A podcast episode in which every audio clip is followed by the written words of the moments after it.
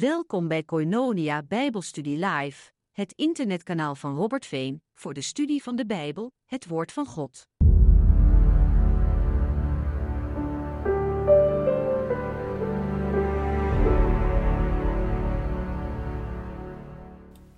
Goeiedag, mijn naam is Robert Veen.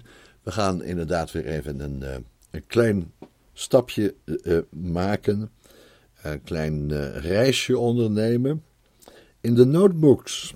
Ik heb al eens verteld, ik heb nog vele notitieblokken volgeschreven in de afgelopen 20, 30 jaar. En ja, soms wil ik dat even weer oprakelen, nog een keer bekijken. En dat doen we dan in deze vorm. En verder ook een heleboel muziek. En dan hoop ik ongeveer een half uur met uh, allerlei aardige zaken bezig te zijn. Ik heb uh, notebook nummer 10 opengeslagen. En daar vind ik om te beginnen een heleboel aantekeningen voor destijds de Bijbelbespreking over de eerste brief van Johannes. En uh, ja, daar zitten toch echt wel zaken bij. De moeite waard om nog even rustig uh, te bespreken. Um, nou, om te beginnen, 1 Johannes 3, vers 4. Pak rustig de Bijbel er even bij. En laten we daar dan uh, samen eens even naar kijken. 1 Johannes 3. 1 Johannes 3 en dan vers 4. Nou, daar lezen we. Ieder die de zonde doet, doet ook de wetteloosheid, want de zonde is de wetteloosheid.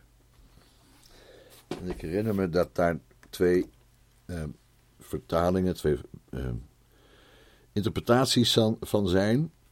Um, en een daarvan zegt, nou dat woordje wetteloosheid, dat moet je dan maar opvatten als uh, heel in het algemeen, dat je geen regels wil gehoorzamen. De wettelozen, dat zijn mensen die aan de lopende band allerlei wetten en regels overtreden. En uh, ja, ze gedragen zich gewoon slecht. En wat is nou die zonde? Dat is dat je allerlei regeltjes wil overtreden. Ongeacht wat die regels zijn. Elke samenleving heeft zo zijn wetten. En mensen in elke samenleving kunnen de neiging hebben om zich aan die wetten, aan die regeltjes te onttrekken. En dan is de zonde dus de wetteloosheid in een hele algemene zin van het woord. En dat woordje wet heeft dan hier ook geen bijzondere betekenis. Um, het woordje wetteloos staat hier in die aantekeningen. Het woordje wetteloos, anomia, dat um, kan inderdaad zoiets betekenen als een algemene rebellie tegen regels, tegen voorschriften, tegen gezag. Uh, dat is zeker mogelijk, maar het is ook uh, mogelijkerwijs een samenvatting van de twee verschillende uh, van twee verschillende termen van de zonde. heb ik hier althans staan. Ik zou onmiddellijk denken, er zullen er nog wel meer zijn. Maar ik heb hier staan anomia, dat uh, zou kunnen bevatten twee andere begrippen. Hamartia. Nou, als je een predikant hebt uh, gehad, een leraar hebt gehad die uh, erg van houdt om Griekse woorden uit te leggen, dan zou hij zeggen: Hamartia betekent zonde, maar dat komt van hamartano. En dat betekent ook je doel missen. Handelingen dus die hun doel missen, die niet aankomen waar ze geacht worden aan te komen. Hamartia. En dan het tweede, adikia, dat is onrecht. En ja, dat is toch op zich wel heel aardig dat je eh, van elkaar moet onderscheiden zonde en onrecht. Um, er is een, een tekst uit Prediker, die hebben we afgelopen woensdag bekeken. Hoe ging dat ook alweer?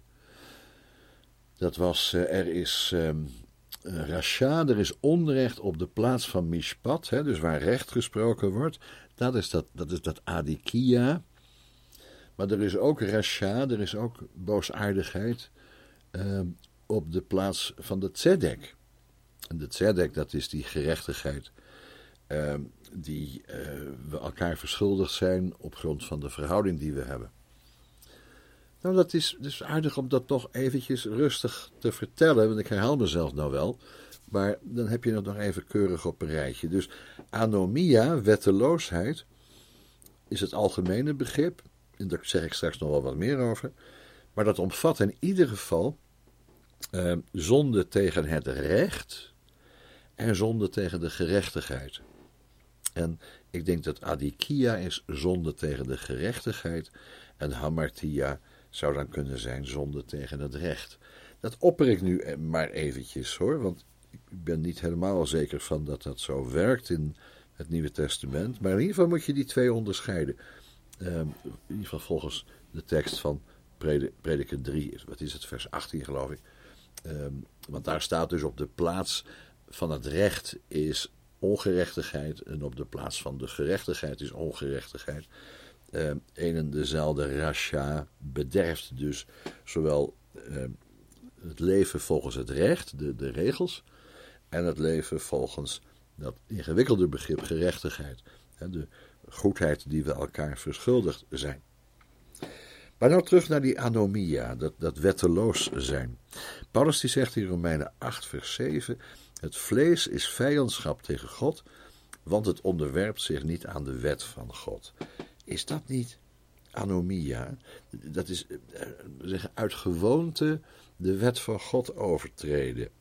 Zonde doen uit gewoonte, omdat het jouw eigen keuze is om op een bepaalde wijze te leven en te handelen. Dus dat is niet alleen maar dat je de wetsregels overtreedt, maar dat is ook dat je je van zoiets als wet helemaal niks aantrekt. En er komt meteen bij me op Psalm 14, Psalm 53. En de dwaas zegt in zijn hart: Er is geen God. En ze doen gruwelijke en afschuwelijke dingen. De Psalm 14 heel mooi. Dus de, het niet erkennen van God als rechter, als Elohim, betekent dat je zowel gruwelijke dingen doet, nou dat wil zeggen overtredingen tegen Gods heiligheid, als afschuwelijke dingen, dat wil zeggen misdrijven tegenover mensen. Het plaatje is dan een beetje rond. Ehm, de, de tekst die dus zegt, eh, ieder die de zonde doet, doet de weddeloosheid. De definitie van de zonde is dat je je van Gods wet niks aantrekt en daardoor komt tot daden van onrecht en daden van ongerechtigheid. Dat doe je uit gewoonte, dat doe je als vijand tegen God en je onderwerpt je niet aan de wet van God. Uh, wezenlijk houdt dat dus in dat als christenen over de zonde praten, ze moeten beseffen dat dat inhoudt dat ze zich niet aan Gods wet onderwerpen. Dan moet je dus niet aankomen met het begrip van de vrijheid die we dan in Christus hebben ontvangen. Ehm, want die vrijheid reikt nooit zo ver dat nu de zonde voor ons een normale activiteit is. De zonde is onverenigbaar met Christus, want hij, juist, hij is juist gekomen om die zonde weg te nemen. Die zonde is de wetteloosheid. Matthäus 5, hij is ook niet gekomen om de wet of de profeten te ontbinden. Um, positieve kant ervan, vers 7. Lieve kinderen, laat niemand u misleiden. Wie de rechtvaardigheid doet, is rechtvaardig, zoals hij rechtvaardig is. Wie de zonde doet, is uit de duivel. Heel duidelijk. De zonde moet je niet doen, maar de zonde is de wetteloosheid. En de zonde dus bij uitstek en volkomen is de houding waarin je Gods wet aan je laars lapt. Ehm, de vraag blijft, wat is die wet dan precies? Nou, het is dus niet de regels die nu eenmaal in de samenleving gelden, dat is niet de wetteloosheid. Wetteloosheid is de verwerping van de Torah, van Gods Torah. Dat is het grootste belang. We horen slaven van de gerechtigheid te worden.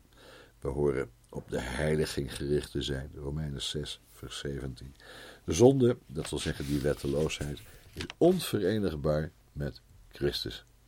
Ja, het lijkt mij heel duidelijk dat uit die tekst van 1 Johannes blijkt dat een van de testen, dit is de vierde test eigenlijk van uh, ons, uh, ons geloof, um, dat, dat blijven in de zonde, dat blijven in de wetteloosheid een teken is dat je eigenlijk niet als christen leeft en dus ook het evangelie eigenlijk niet volgt.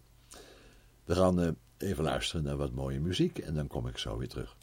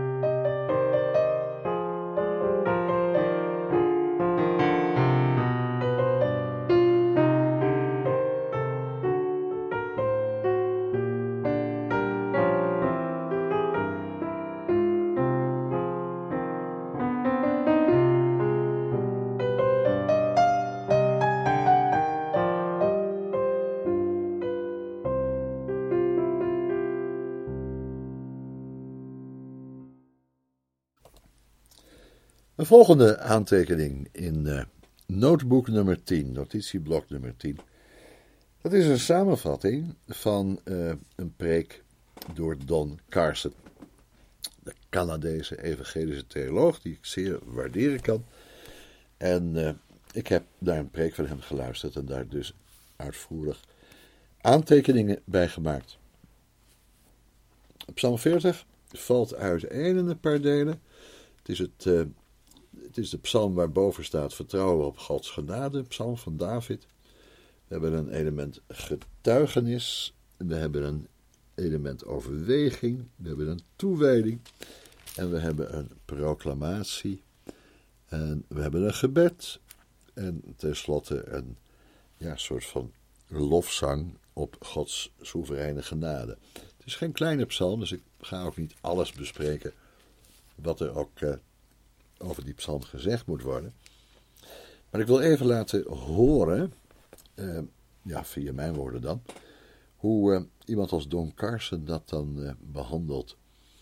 Um, om te beginnen, wat al heel aardig is, dat hij het toch ook even in de context plaatst van de psalmen van het hele psalmboek. En dan zegt van kijk, eh, psalm 41 dat sluit dat eerste psalmboek af. Psalm 40 is dus de voorlaatste psalm van het eerste psalmboek. En we vinden in psalm 37 dan de aanwijzing hoe belangrijk het is om op God te wachten. Die houding van geduld aan te nemen eh, tegenover wat hij doen zal. Niet te verhaasten, er niet op vooruit te lopen, maar het af te wachten. Nou, belangrijk element in ons geloofsleven natuurlijk. Uh, er staat boven Psalm 37 in mijn HSV alleen God schenkt heil. Maar een hele specifieke tekst in, in dat kader, ondersteunend voor dat thema, is zevende. Zwijg voor de Heere en verwacht hem. Nou, dat vat in zekere zin die hele psalm samen. 38 en 39, de 38 is de soort van toepassing op dat zwijgen, zegt Don Carson.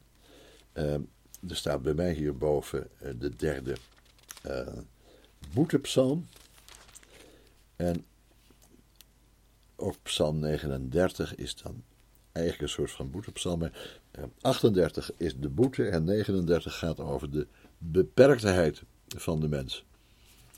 Dus in 39 bijvoorbeeld vers 5. Heere, maak mij mijn einde bekend wat de maat van mijn dagen is, zodat ik weet hoe vergankelijk ik ben. Psalm 38, daarentegen een, eh, een boetepsalm. Bijvoorbeeld Psalm 38, vers 4. Er is niets gezonds aan mijn lichaam door uw gramschap.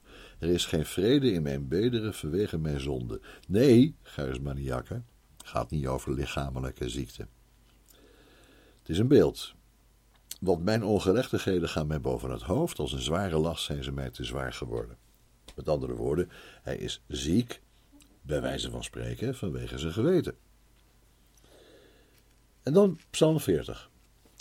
Psalm 40, waarboven staat vertrouwen op Gods genade. Ja, dat heeft dus eh, de functie van een soort antwoord op die beide voorafgaande psalmen. Die zeggen: uh, Ik word bedreigd door de schuld. Er is niets gezonds aan mij vanwege mijn schuld. En vers 39: Ik kan daar zelf niks aan doen. ik kan daar zelf niks aan doen, want mijn leven is te beperkt daarvoor. Ieder mens is niet meer dan een zucht. Nou, Psalm 40 begint dan zo. Lang heb ik de Heer verwacht en hij boog zich naar mij toe en hoorde mijn hulpgeroep. Hij beurde mij op uit een kuil vol kolkend water, het modderig slijk. Hij zette mijn voeten op een rots en maakte mijn schreden vast. Hij legde mij een nieuw lied in de mond, een lofzang voor onze God. Nou, is dat geen prachtig getuigenis van het geloof? Uh, er is een bevrijding uit dat kolkende water, een persoonlijke bevrijding, door David hier uitgesproken. En een lofzegging aan God, die dan in vers 4 volgt, het nieuwe lied, een lofzang voor onze God, is dan het noodzakelijke antwoord op uh, de verlossing.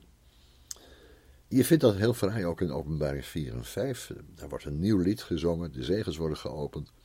Alle voornemens van God voor het oordeel en de verlossing gaan dan uitgevoerd raken. En gelukkig is er iemand die die zegels kan openen, die dat boek kan openen, anders kunnen die voornemens niet worden vervuld. En wie kan dat dan? De leeuw, uh, die ook het lam is. Hè? De leeuw uit Juda, die het lam is. En met zijn hoornen, de perfectie van zijn koninklijke macht. En dan, in die verlossing, nieuw in zekere zin, uh, nieuw in de openbaring, die brengt een nieuw lied met zich mee.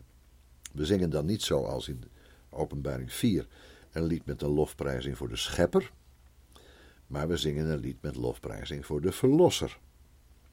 Nou, dat is dat nieuwe lied. In het persoonlijke leven toegepast, elke nieuwe ellende heeft ook weer een specifieke verlossing. Er hoort een nieuw lied bij. Dan het tweede uh, gedeelte, dat is een soort overweging. Een overweging, en dat is eigenlijk alleen maar vers 5 en 6.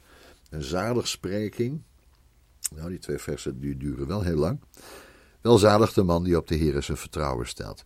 Uh, een soort van reactie op dat getuigenis. Het getuigenis dat de Heer op een bijzondere wijze heeft verlost wordt dan beantwoord met die overweging. Nou, zie wel, welzalig de man die op de Heer zijn vertrouwen stelt. dat heeft David gedaan. En daar is hij ook eh, voor beloond. En dan kan hij in een loflied uitbarsten. Heere mijn God, veel zijn uw wonderen die u hebt gedaan en uw gedachten die u over ons hebt. Men kan ze voor u niet uiteenzetten. Zou ik ze verkondigen en uitspreken, dan zijn ze zo machtig veel dat ik ze niet kan tellen. Gods zegeningen zijn niet te tellen. En dat is een antwoord dus op dat getuigenis van die verlossing. Hij legde mij, hij beurde mij op, hij trok mij omhoog uit een kuil vol kolkend water. Goed, nou prachtig. We zijn dus gered in vers 1 tot en met 4.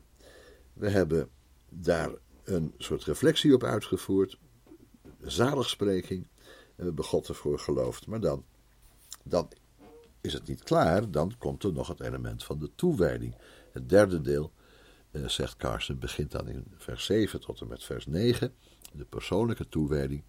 Dat is dat er ook een vreugde mag zijn om het welbaren van God te gaan doen.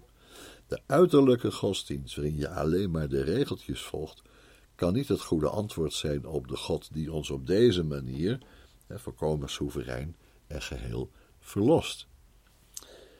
In, uh, in dat gedeelte, vers 7 tot en met 9, met die persoonlijke toewijding, vind je dus ook de woorden die zo in het bijzonder op de Messias worden toegepast. U hebt geen vreugde gevonden in slachtoffer en graanoffer. U hebt mijn oren doorboord. Brandoffer en zondoffer hebt u niet geëist. Toen zei ik, zie ik kom, in de boekrol is over mij geschreven. Ik vind de vreugde in, mijn God, om u welbehagen te doen uw wet draag ik diep in mijn binnenste. En waarmee je de tekst van Jeremia 31 vrij zou kunnen verbinden. U bent oren doorboord, is die mooie tekst natuurlijk. En ja, dat slaat terug op de wet op de slavernij, het Exodus 21. Als je een goede meester hebt, dan wil je niet worden vrijgelaten, dan wil je blijven. En dan wordt het oor doorboord. Nou zegt die tekst de oren doorboord. Nou, dat zou dus kunnen betekenen dat het niet slaat op die slavernij, want dan wordt er één oor doorboord. Maar er staat hier de oren doorboord. En eh, ja, dan staat het eigenlijk uh, daaraan gelijk dat je eh, zou kunnen, dat kun je ook vertalen. Ehm, u hebt mij de oren uitgegraven. Dat is een wat plastische uitdrukking. Voor het schoonmaken van de oren, zodat je weer kunt horen. Zal ik je oren even uitspuiten, zeggen we misschien wel uh, in de moderne tijd. Um, u hebt mijn oren doorboord, met andere woorden, u hebt mij geheel al het gehoor gegeven voor uw wet. En daarom zijn brandoffer en zondoffer niet uh, de hoofdzaak. Kijk, brandoffer en zondoffer zijn in zekere zin reacties op de zonde.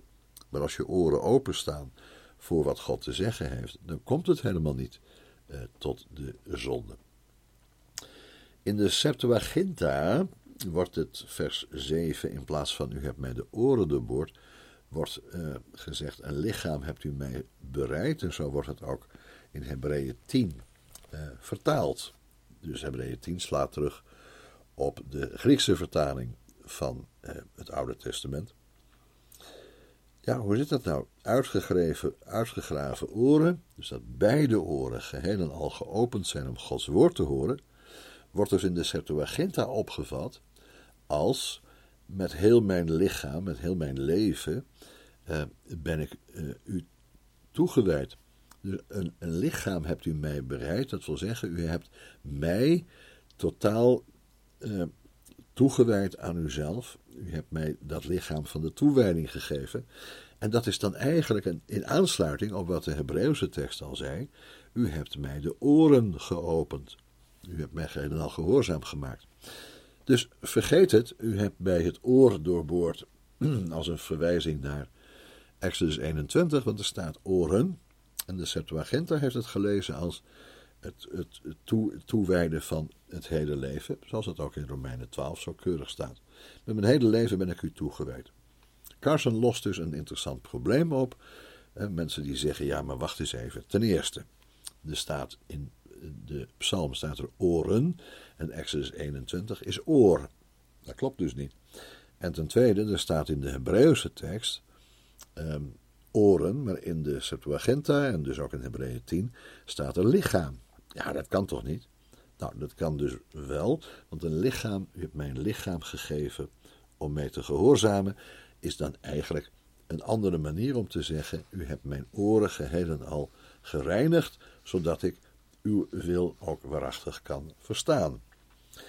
Als je nou zou denken: Wacht eens even, brandoffer en zondoffer heeft God niet geëist.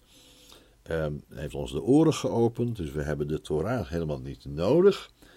Um, dan is het toch wel aardig dat uh, er zo duidelijk staat aan het eind van vers 9. Um, uw wet draag ik diep in mijn binnenste. Uw wet draag ik diep in mijn binnenste. Uh, dat is natuurlijk een, een, een, prachtige uitdrukking. Uw wet diep in mijn binnenste. Hoe moeten we dat nou verstaan? Nou, dat wil zeggen, als mijn oren worden geopend, dan is dat om Gods wet te doen. Of Septuaginta, als ik een lichaam heb om God te dienen, dan is dat volgens uh, Gods wet volgens zijn Torah. En eh, als wij zijn welbehagen willen doen, want dat is in vers 9, ik vind de vreugde in mijn God om uw welbehagen te doen. Wat is dat welbehagen dan? Nou, dat is het welbehagen, dat is uitgedrukt in de wet. Zo zit het dus.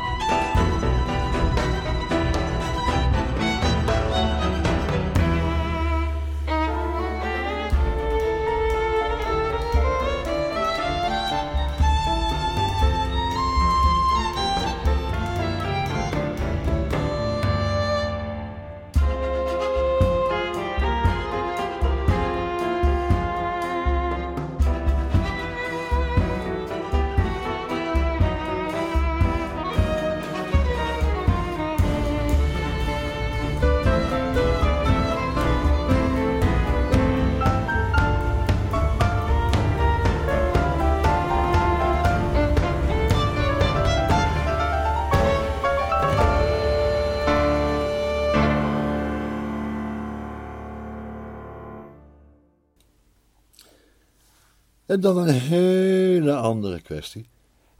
ik maak weer een sprong. Ik maak een sprong nu naar Een bekende passage in uh, Johannes 20. En dat is de ontmoeting van de opgestaande Heer Jezus met Maria. Nou, wat gebeurt er daar allemaal? Um, we weten dat er dan geschreven staat uh, in Johannes 20. Um, even kijken, welk vers willen we dan precies hebben? Ja, dat is dat lastige vers 17, wat eigenlijk hier en daar wel verkeerd vertaald is. Johannes 20, vers 17. Jezus zei tegen haar: Houd mij niet vast, want ik ben nog niet opgevaren naar mijn vader, maar ga naar mijn broeders en zeg tegen hen: Ik vaar op naar mijn vader en uw vader, en naar mijn God en uw God. Ik pak er eens even de Telos-vertaling bij, want ik dacht dat de Telos het goed had. In navolging dacht ik van de Statenvertaling. Want daar hoort eigenlijk vertaald te zijn: raak mij niet aan. En dat staat er inderdaad in de Telos. Jezus zei tot haar: raak mij niet aan. Want ik ben nog niet opgevaren naar mijn vader, enzovoorts, enzovoorts. Waarom zegt de Jezus nou tegen Maria dat ze hem niet mag uh, aanraken? Stel je voor dat iemand uh, zoek raakt, vermist raakt. En na vijf jaar komt hij weer terug. Dan zou het toch wel heel normaal zijn dat je elkaar een omhelzing geeft. Hè? Dat je iemand aanraakt als je iemand weer ziet. Um, tja, waarom mag, uh, mag ze hem nou niet aanraken? Jezus verbiedt het aanraken. Dat zou natuurlijk een hele diepe geestelijke betekenis kunnen hebben. Zo wordt het ook vaak uitgelegd. Uh, Maria mag niet aanraken, omdat ze dan het fysische hoger stelt dan het geestelijke. Omdat ze door hem aan te raken, hem als het ware weer naar beneden wil trekken. Ze wil hem weer in het dagelijks leven meemaken. Maar dit is de opgestane Heer met een andere missie. Nou, dat is de standaard interpretatie. Hij verbiedt het aanraken. En de HSV maakte dan ook van: houd mij niet vast. houd me niet vast is precies dat idee van Jezus vasthouden in het heden. Nou, eh, vreemd, want Thomas mag hem dus wel aanraken. Waarom mag Maria hem nou niet aanraken? Raak mij niet aan. En bij Thomas kom hier en eh, doe je hand in mijn zij en doe je hand in de wonde in mijn hand. Uh, ja, dat zijn de feiten die we hebben. Eh, in 20 vers 16, Maria wil natuurlijk zeker weten dat ze niet de tuinman ziet, ehm, maar dat het echt haar meester is. Hè. Ze zegt tegen hem uh, bij het omdraaien, Rabuni, uh, heb ik je nou goed herkend? Dat is heel normaal. Ze wil dus verifiëren dat ze inderdaad Jezus heeft gezien. Dan zegt Jezus niet aanraken. Hè. Als ze hem herkend heeft, mag ze hem niet meer aanraken. En we weten dat hij zich wel laat aanraken door Thomas. Dat is het derde feit. Nou, hoe zit het nou? Wat zijn nou de oplossingen voor de vraag: waarom mag Maria Jezus niet aanraken? Mogelijkheid 1. Nou, het zou feitelijk zo kunnen zijn dat Maria op dat moment menstrueerde. Ja, dan mag ze natuurlijk hem niet aanraken. Aan de andere kant, overal waar Jezus kwam, hebben ook onreinen hem aangeraakt. En hij is door die onreinheid niet verontreinigd. Denk maar aan die vrouw die bloedvloeien had, daarom niet in de tempel mocht komen. Ze raakte hem aan en daardoor wordt ze genezen. Dus het lijkt niet waarschijnlijk dat het nou gaat om die tijdelijke onreinheid van de menstruatie. Tweede mogelijkheid. Er is een andere onreinheid in het spel, niet de onreinheid vanwege de bloedvloeiing, vanwege de menstruatie, maar omdat Maria de doden heeft aangeraakt. Maria is immers in het graf geweest en er zijn meerdere lijken in dat graf geweest. Nou ja, ehm, dat heeft wel enige waarschijnlijkheid als je eraan denkt dat uh, Petrus die duikt het graf in, weet je nog? En Johannes blijft ervoor staan, die aarzelt, die kijkt alleen naar binnen. Maar Petrus gaat naar binnen. Waarom blijft, Petrus, waarom blijft Johannes voor het graf staan? Omdat we weten dat Johannes een leviet was. En die mocht absoluut geen contact met de doden hebben. Dat is natuurlijk een slimme redenatie. Petrus gaat wel naar binnen, die is geen leviet. Johannes staat voor het graf, die is wel een leviet. Dus het gaat ook bij Maria, dat niet aanraken, gaat het om zoiets als het aanraken van de doden, wat onreinheid met zich meebrengt. Hè? Johannes wil zich niet verontreinigen. Maria is al verontreinigd. En de opgestaande Heer wil niet hebben dat hij zich verontreinigd heeft.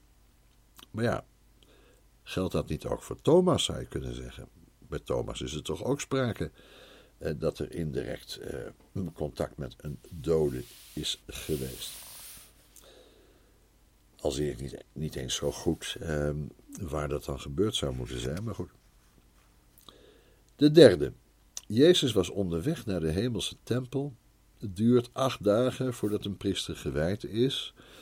En in de tijd van zijn wijding, um, voor, de, voor de uiteindelijke wijding, mag hij geen vrouwen aanraken. Nou, is dat een mogelijkheid?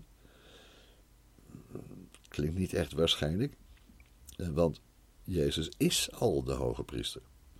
Hij is de hoge priester en heeft in de hemel al zijn offer gebracht, zegt de Hebreeënbrief.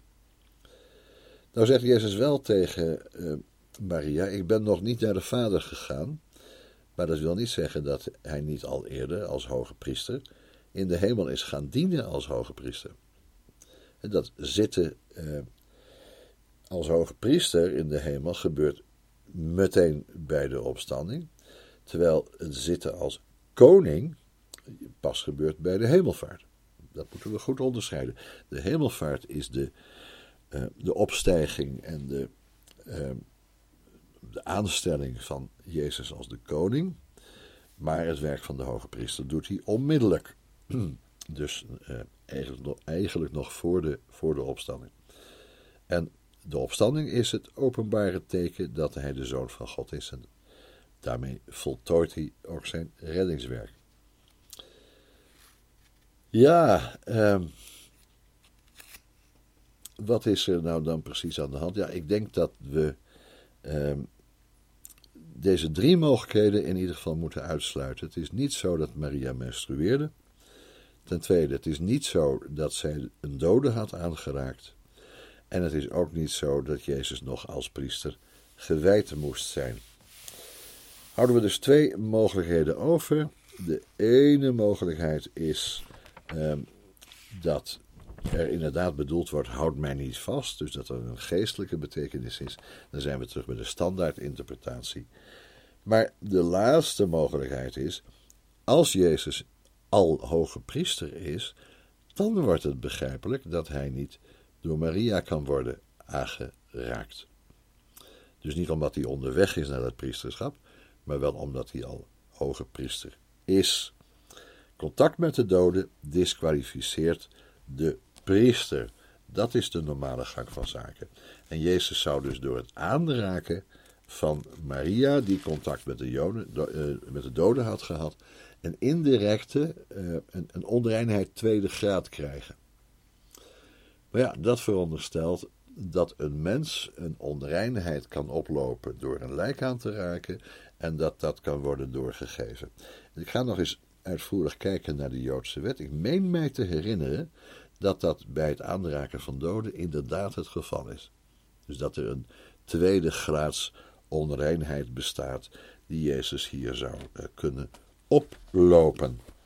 Dus als mens of als Messias zou je inderdaad kunnen zeggen: hij kan worden aangeraakt door melaatse, hij kan worden aangeraakt door onreinen met een bloedvloeiing. En dat deert hem niet. Maar nu, toen nog niet, maar nu is hij ook daadwerkelijk hoge priester. En als hoge priester mag je zich dus niet laten aanraken. Waarom de wel de Thomas? Omdat Thomas natuurlijk geen eh, rechtstreeks contact met een lijk heeft gehad, dus geen tweede graads onreinheid kan eh, doorgeven. Eh, Hebreeën 9, vers 11 zegt: Maar toen is Christus verschenen, de hoge priester van de toekomstige heilsgoederen. Wanneer is dat gebeurd? Dat is in Golgotha gebeurd. Hij is door zijn eigen bloed voor eens en altijd binnengegaan in het heiligdom en heeft daardoor een eeuwige verlossing teweeggebracht. Dit is de hoge priester onderweg naar het heiligdom. Dit is een Maria die in het graf geweest is en eh, die dus een tweede graads onreinheid zou kunnen overbrengen op de hoge priester. En ook de hoge priester Jezus, ook na zijn opstanding, houdt zich dus nauwkeurig aan de wet. En dat is op zich al een hele interessante vaststelling. Zo zit het.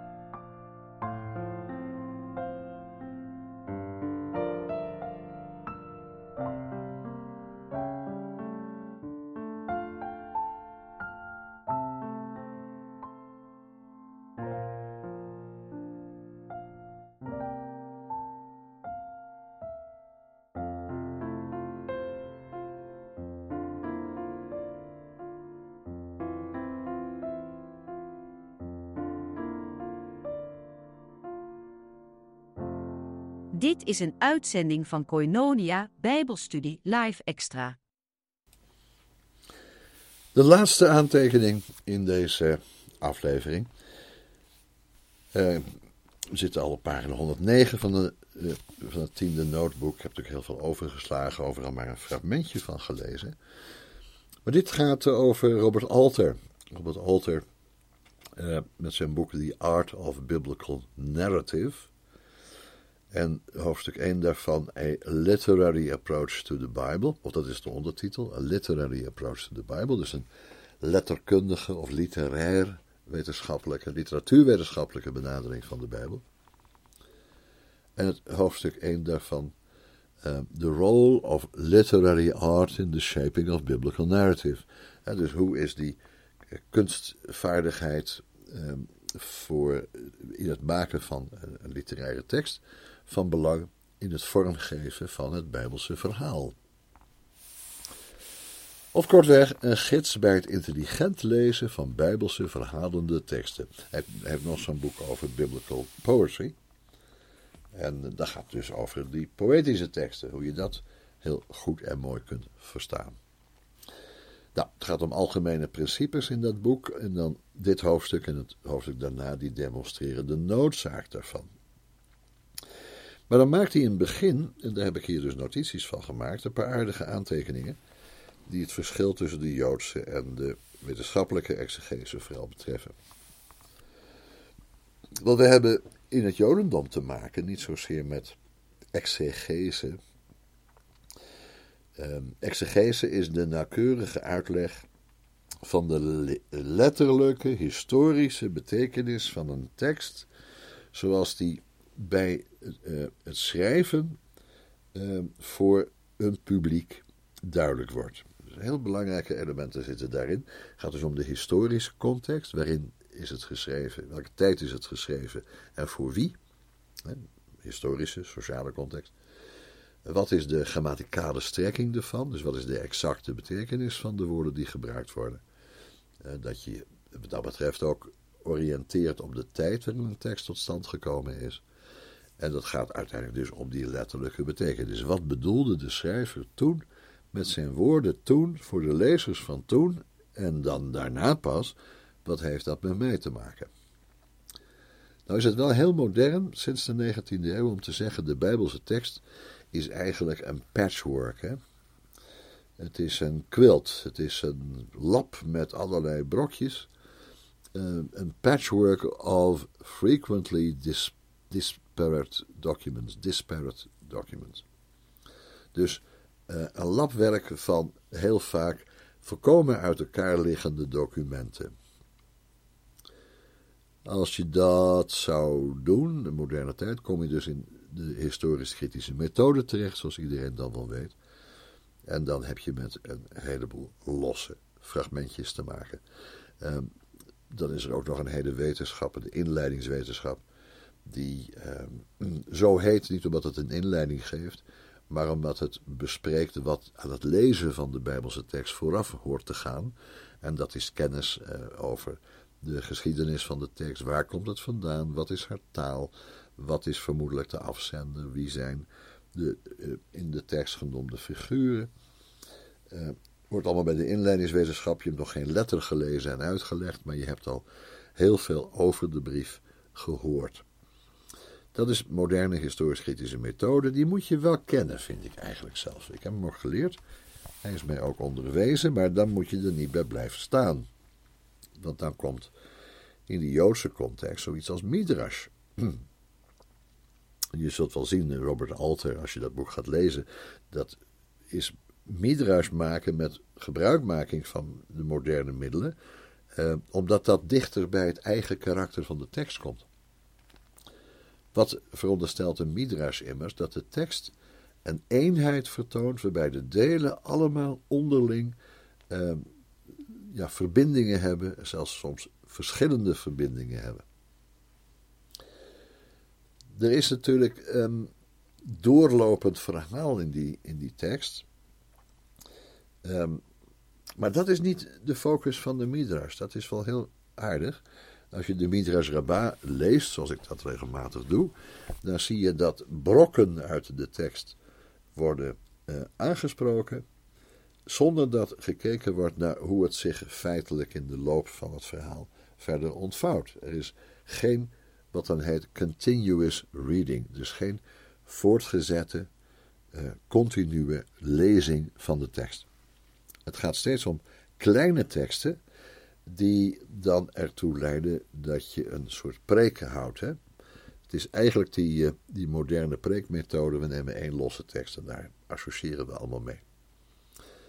Die Midrash is dus niet betrokken op dat reële narratieve continuum. Dat is de term die eh, Robert Alter gebruikt. Er is een narratief continuum, een narratieve ruimte waarin zich één coherent verhaal voltrekt, verteld wordt van begin tot eind. En daar moet je je op focussen. Dat doet die Midrash dus niet. Maar ja, dat doet die historisch-kritische methode dus ook niet. Want die maakt er dus dat patchwork van. Dan komt hij toch aardig in de buurt van wat we de historisch-grammaticale methode noemen. Dus de manier van lezen van Calvijn. Maar als je bij Calvijn gaat kijken, dan zie je dat hij nog een beetje vastzit in die middeleeuwse methode van de glossen. Dus glossen wil zeggen dat je uh, een commentaar geeft op 1, 2, 3 teksten die samen één eenheid vormen.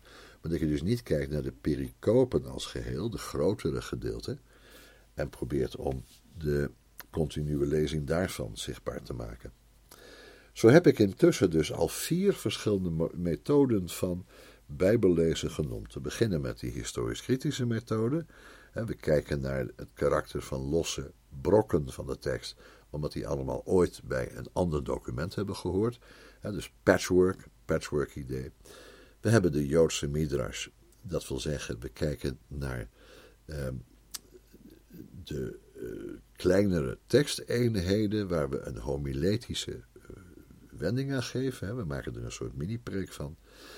Dan hebben we de, is, uh, de, de, de nou, hoe heet het nou? De hist uh, historisch-grammaticale methode van Calvijn. En dan neem je wel wat ruimere pericopen, maar um, je bent niet bezig met die continue lezing van het geheel. En dan krijgen we dus Alter die zegt: nee, wacht eens even. We moeten dat uh, zo'n gedeelte echt helemaal in zijn geheel bekijken. Nou, dat wist ik al, want wat blijkt nou?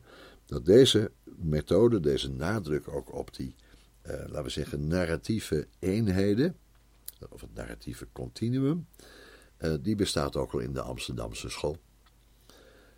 Amsterdamse school en mm, de Noorse school uh, aan elkaar verwant.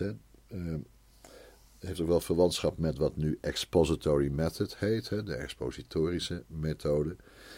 Allemaal wel verwantschappen, maar vooral daarin dat ze dus die langere narratieve eenheden vooral bekijken, omdat dat de context is waarin elke losse zin gelezen moet worden. Nou, ik lees dus de Midrash die een heel ander resultaat geeft dan de methode die mij geleerd is. Ik lees modern, eh, moderne historisch-kritische werken. Ik lees historisch-grammaticale werken, zoals Cravijn. En ik probeer zelf op die manier van Robert Alteren naar teksten te kijken. En dan krijg je dus vaak een heel andere strekking van de, van de tekst. Nou, dat is uh, nog een opmerking over uh, Robert Alter. En nou, we gaan nog maar eens een keer, een volgende keer door deze notebooks heen. Uh, dank voor jullie aandacht, dat je het zo lang hebt volgehouden. En dan hoop ik jullie graag nog eens een andere keer te spreken over een soortgelijk onderwerp. We eindigen met een beetje muziek en dan wens ik jullie het allerbeste en tot ziens.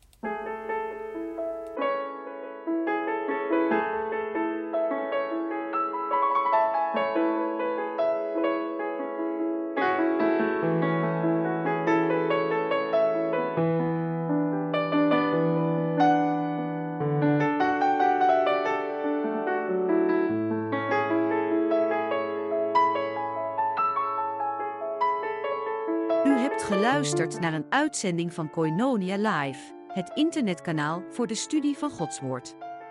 Ga naar koinoniabijbelstudie.nl voor meer video en audio. Graag tot ziens.